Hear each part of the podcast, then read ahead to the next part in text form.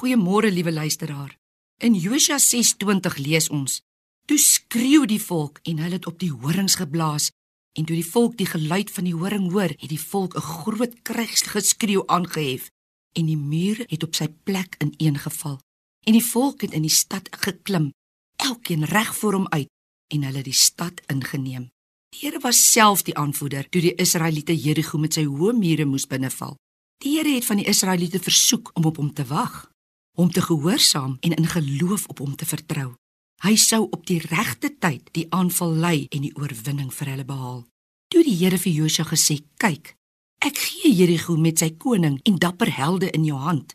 Julle moet dan om die stad trek, al die krygsmanne. Trek die stad eenmal om, so moet jy doen 6 dae lank. Elkeen van ons kom een of ander tyd vir ons eie Jerigo mure te staan. Hierdie mure moet ons oorwin. Maar hoe hoog of hoe solied hierdie muur vir ons mag lyk, hoe enorm die hindernisse en probleme ook al mag wees, by God se aanraking sal hierdie mure in mekaar tuimel. Maar alles gebeur nie dadelik nie. Israel moes 'n week lank wag voor hulle Jerigo kon binneval. Soms moet ons langer wag. Om te wag toets ons geduld en volharding in die geloof. Maar God verlang ook gehoorsaamheid van ons.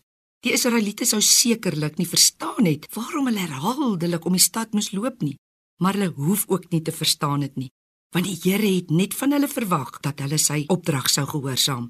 Ons moet ons optredes ondergeskik stel aan God se tyd. Ons moenie oorhaastig en ongeduldig wees in ons optredes nie.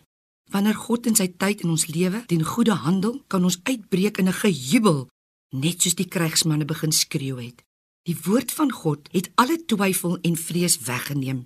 Die kruisgeskreeu was met volle oortuiging en dit het gebeur volgens hulle geloof en deur die geloof het die mure van Jerigo geval. Daar is geen muur wat die uitroep van geloof kan weerstaan wanneer God sê dat die tyd daarvoor gekom het nie. Amen.